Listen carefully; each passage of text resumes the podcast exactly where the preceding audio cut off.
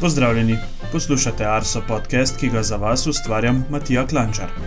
Tole je 68. epizoda Arso podcasta, v katerem bomo govorili o kakovosti zraka. Osrednja tema. Globoko smo vstopili v hladno polovico leta. Koliko krat se vam je zgodilo, da ste na sprehodu začutili, da kakovost zraka ni najboljša? Spominjam se jutranjih odhodov v osnovno šolo v celju, ko je bilo v zraku vonjati onesnažen zrak. Nekaj več o tem, kakšno je stanje našega zraka, danes sodelavci z urada za stanje okolja. Z mano sta Tanja Koleša in Marko Rus. Pozdravljena. Je že kar nekaj časa minilo, ko smo se pogovarjali o ozonu, tokrat pa o malce več o delcih. Um, pa me sam zanima na začetku, kakšne meritve in kakšne analize zraka izvajamo na Agenciji za okolje. Na agenciji spremljamo v zunanjem zraku različna onesnaževala, kot so delci PM10, PM2,5, žveplov dioksid, oglikov monoksid, benzen, dušikove okside in pa recimo te delce PM10 in PM2,5 v kemijskem laboratoriju tudi analiziramo na težke kovine, policiklične aromatske ugljikovodike um, elementarni in organski oglik in pa levo glukozan. Na sektorju za kakovost zraka se v topli polovici leta ukvarjate z modeliranjem ozona, o tem smo govorili, kot sem že prej omenil, v 63. epizodi našega podcasta. V zimski pa se osredotočate na delce PM10 in pa PM2,5. Kaj so ti delci, kaj pomeni njihova oznaka?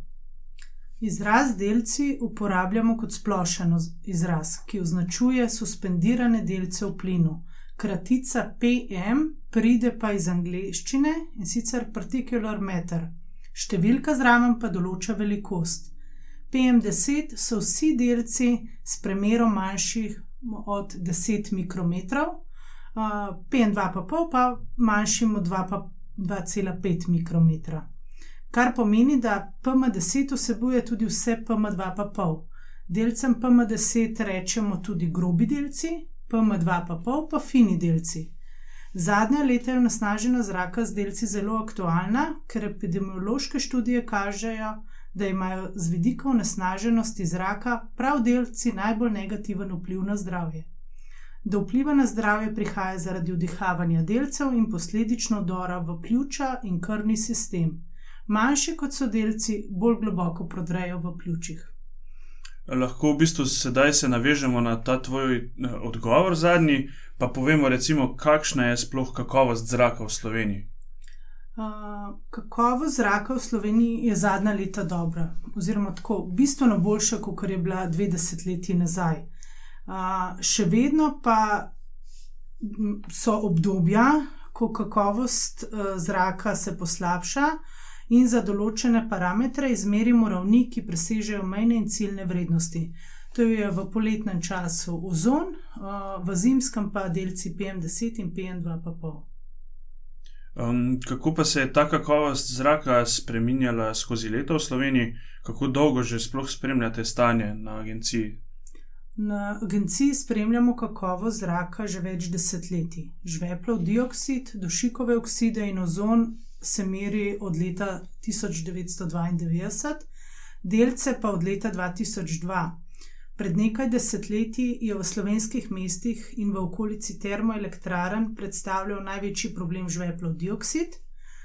Z opuščanjem premoga v individualnih koriščih ter izgradnjo odžvepljevalnih naprav v termoelektrarnah pa smo ta problem rešili. Sedaj se pa občasno soočamo s prekomerno onesnaženostjo zraka z ozonom in delci, kot sem že prej povedala.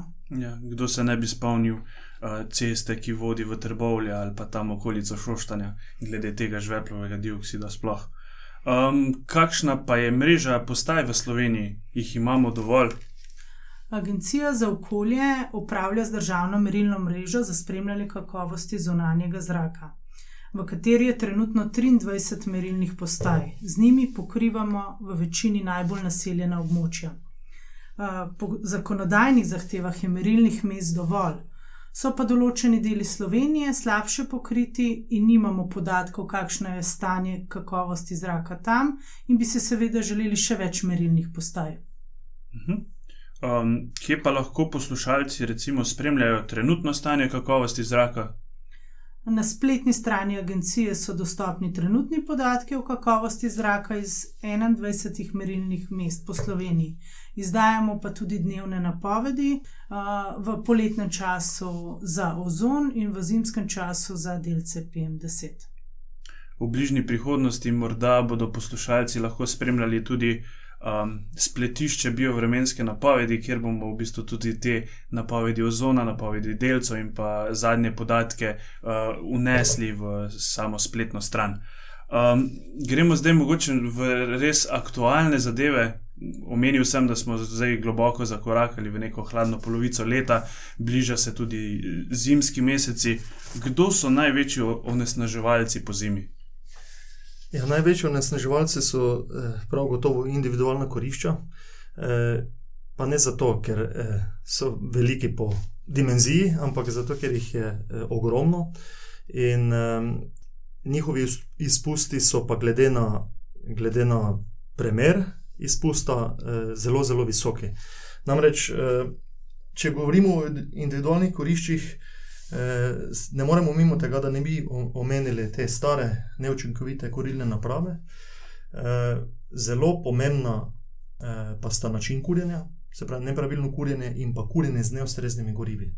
Vse to vodi v ogromne emisije, v ogromne izpuste, ki so za razliko od tistih velikih onesnaževalcev, ki imajo čistilno napravo že vgrajeno, se zadržujejo pri tleh. Zdaj, Znano nam je, eh, če se spomnimo te jasne zimske popoldneve, ko se valeč dim zadržuje v plitvi plasti nastajajoče inverzije in se sčasoma razprši po celem naselju. Žal je tako, da lahko takšno stanje v mestu ali na vasi povzroči že en sam neozaveščen korjač. Zdaj vse to ne bi, bilo, ne bi imelo takšnega negativnega učinka, če bi recimo eh, ta neozaveščen korjač živel na Danskem, ker bi mu veter dobesedno odpihnil vse probleme. Zato v Sloveniji, ko govorimo o nasnaženosti, ne, ne moremo mimo eh, vremenskih situacij, ki so zelo eh, primerne za nastanek eh, eh, visokih eh, koncentracij. Namreč epizode visokega nasnažanja z delci so povezane z vremenskimi pogoji, ob kateri se v slabo prevetrenih dolinah in kotlinah zaradi temperaturnega obrata, ki preprečuje rečenje onesnaženja nabirajo večje količine delcev in drugih onesnaževal. Eh, eno takšno situacijo smo imeli sedaj, eh, pretekli vikend, na koncu krompirjevih počitnic, eh, ko je zgoraj prišla topla zračna masa, hladen zrak se je zadrževal v nižinah in se zaradi, zaradi temperaturnega obrata ni pustil premešati, zato so se, so se ta onesnaževala, oziroma delci PM10, sčasoma, dan za dnem, akumulirali v v plasti pod inverzijo. In če ste, kdo je spremljal te podatke, izmerjene podatke, je videl, da so se od petka naprej eh, do nedelje koncentracije postopoma povečevale. Ko je prišel v višinah hladnejši zrak, eh, je potem to nesnaženje posrkal navzgor eh, in so koncentracije počasom, s časoma začele padati. Danes, danes pa ni problema z visokimi vrednostmi. Je dosti zanimivo, omenil si ta dogodek preteklega vikenda. Vem, da poslušalci tudi spremljajo naše, naša družbena omrežja, kjer nam potem radi kaj napišejo, v primeru, če pride do nekakšnega povečanja onesnaženja. Ampak recimo pretekli vikend nismo dobili, za razliko od vem, dveh tednov nazaj, glede tistega uh, dogodka okrog uh, izbruha um, vulkana La, na La Palmi in pa širjenja uh, žveplovega dioksida po Evropi. Uh, za razliko od takrat, tokrat nismo dobili povečanega obsega klicev oziroma sporočil. Um, greva, recimo, malce se še naveživa na to, na onesnaževalce po zimi. Uh, kako lahko vsak posameznik ukrepa k zmanjšanju onesnaženja zraka po zimi? Ja, dobra novica je eh, v primeru delcev PM10, da smo za večino eh, preseganj mejnih vrednosti, za večino epizod eh, z visokimi koncentracijami odgovorni same. 60 oziroma celo 70 odstotkov emisij prispevamo sami. Prej si omenil oblak žveplovega dioksida, dobra stran tega je, da pač na to res nimamo vpliva, ne? na delce pa imamo, ampak ukrepe so pa naslednji, kot sem že prej omenil. Jaz bi se pač navezal na, na zamenjavo korilnih naprav, potem bi spodbujal ljudi, da se priklopijo na daljinsko grevanje, če, ker je leto mogoče. Da, če pa že uporabljajo drva, pa uporabljajo suha drva, Eh, da ne mečejo notri plastike, embalaže, eh, pa da seveda pravilno kurijo. Zdaj, kaj pa je pravilno kurjenje? Veliko krat mm, to ni tisto kurjenje, ki smo se ga naučili od eh, naših babic ali pa prednikov. Eh, namreč 80% vseh emisij delcev pride eh, iz peči prvih 15 minut, ko se z tistega korišča kadi. Spravi, ko se kadi, tam v tistem dimu eh, so delci. Ko je korišče že do dobro segreto, potem nimamo problema več z, z emisijami. Zato je to tako eh, pomembno poudarjati in vedno znova pač omenjati.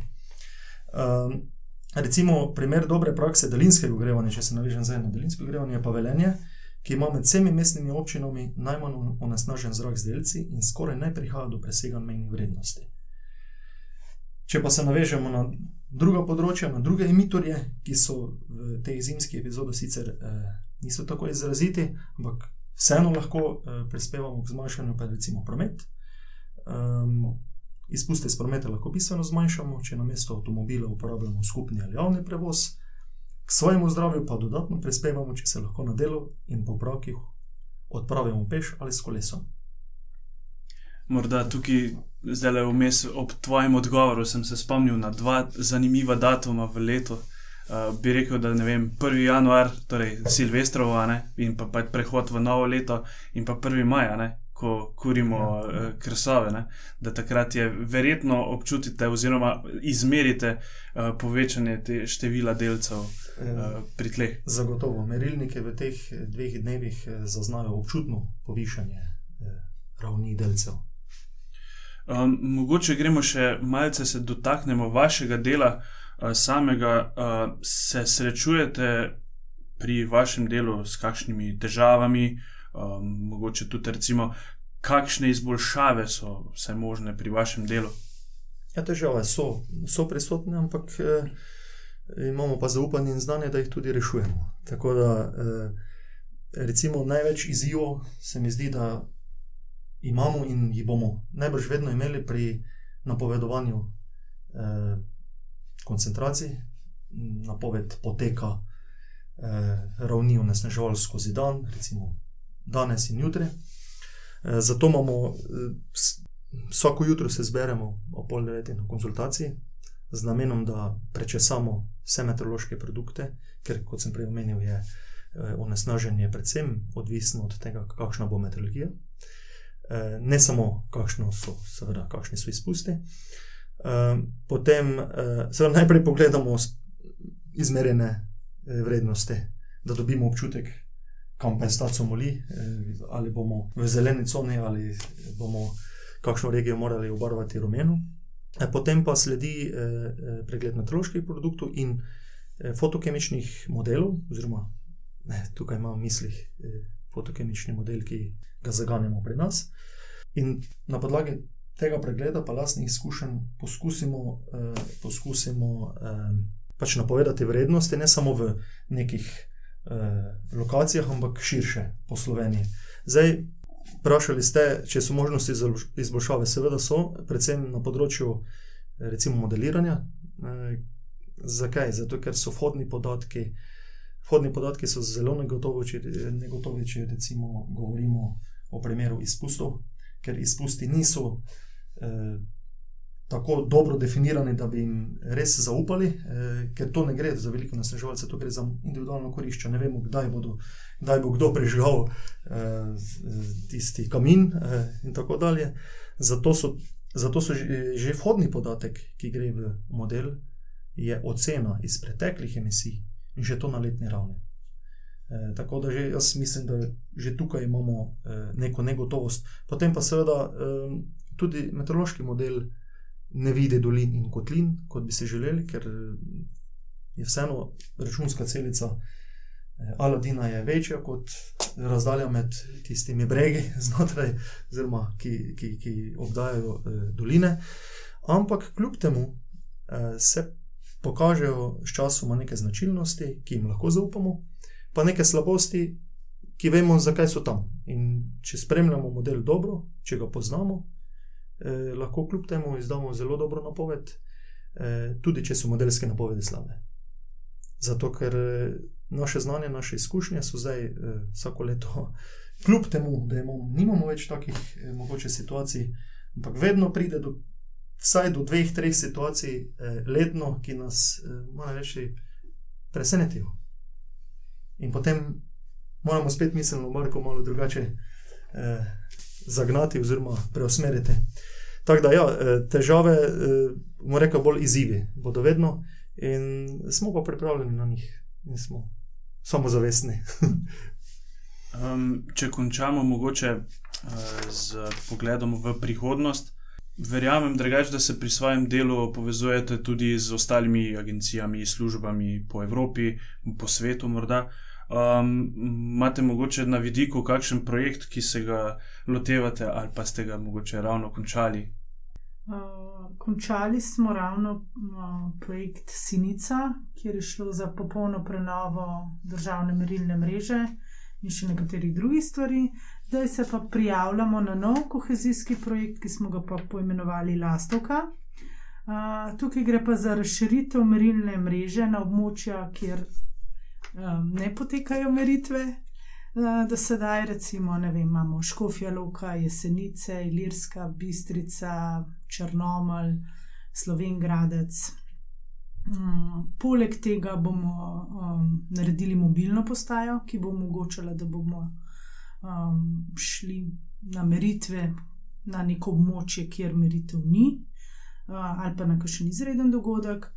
Uh, tretja stvar, ki bo pa v tem projektu, je pa razvoj aplikacije za pametne telefone, ki bo omogočala pogled v stanje onesnaženosti zraka v Sloveniji. Mhm, zelo zanimivo. Uh, verjamem, drugač, da se bomo na to tematiko kakovosti zraka še kdaj dobili tudi v našem Arso podkastu. Hvala, ja, hvala za vabilo. Ja, jaz se vam tudi zahvaljujem za obisk eh, in eh, za tale res sproščen in zanimiv pogovor.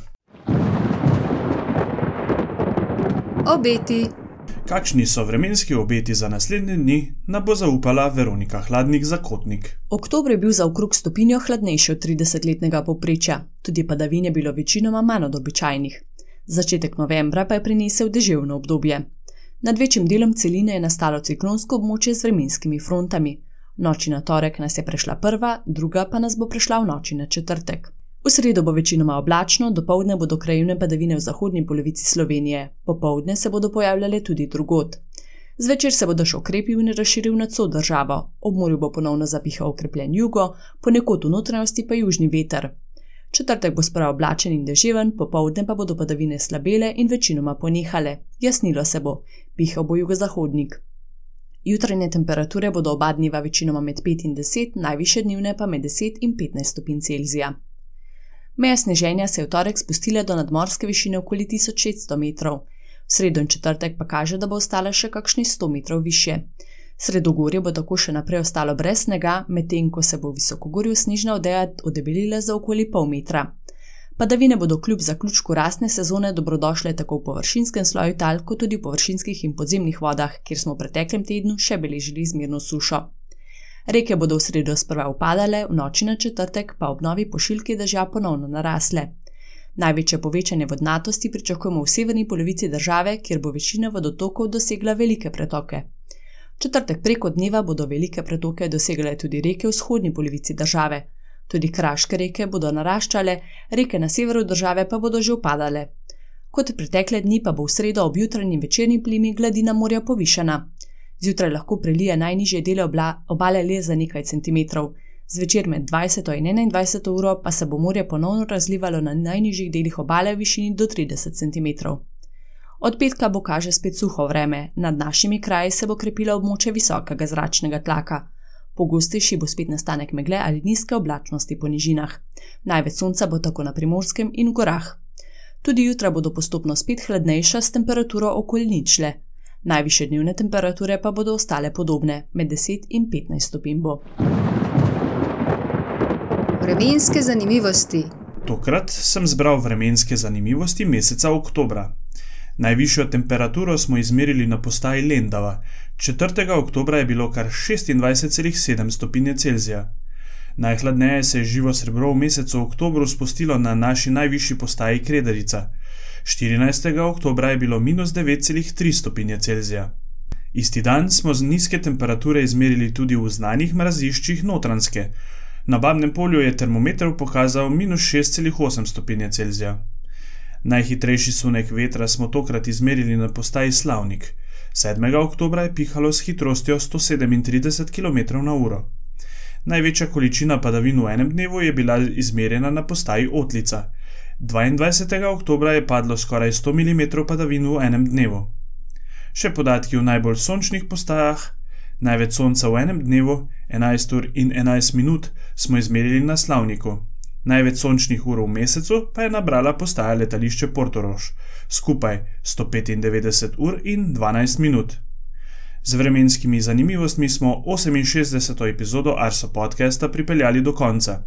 Naročite se na naš podcast, v stik z nami pa lahko stopite preko elektronskega naslova podcast.arsoafnago.si ali preko družbenih omrežij. Na Twitterju smo Meteosi, na Facebooku in Instagramu pa nas najdete pod imenom Arso Vreme. Želim vam obilo lepega vremena in se slišimo čez 14 dni.